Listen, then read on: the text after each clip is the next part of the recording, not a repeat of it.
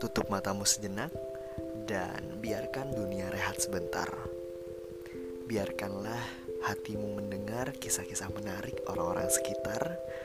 Jadikanlah mereka inspirasi yang akan mengisi ruang-ruang hatimu yang lebih baik lagi.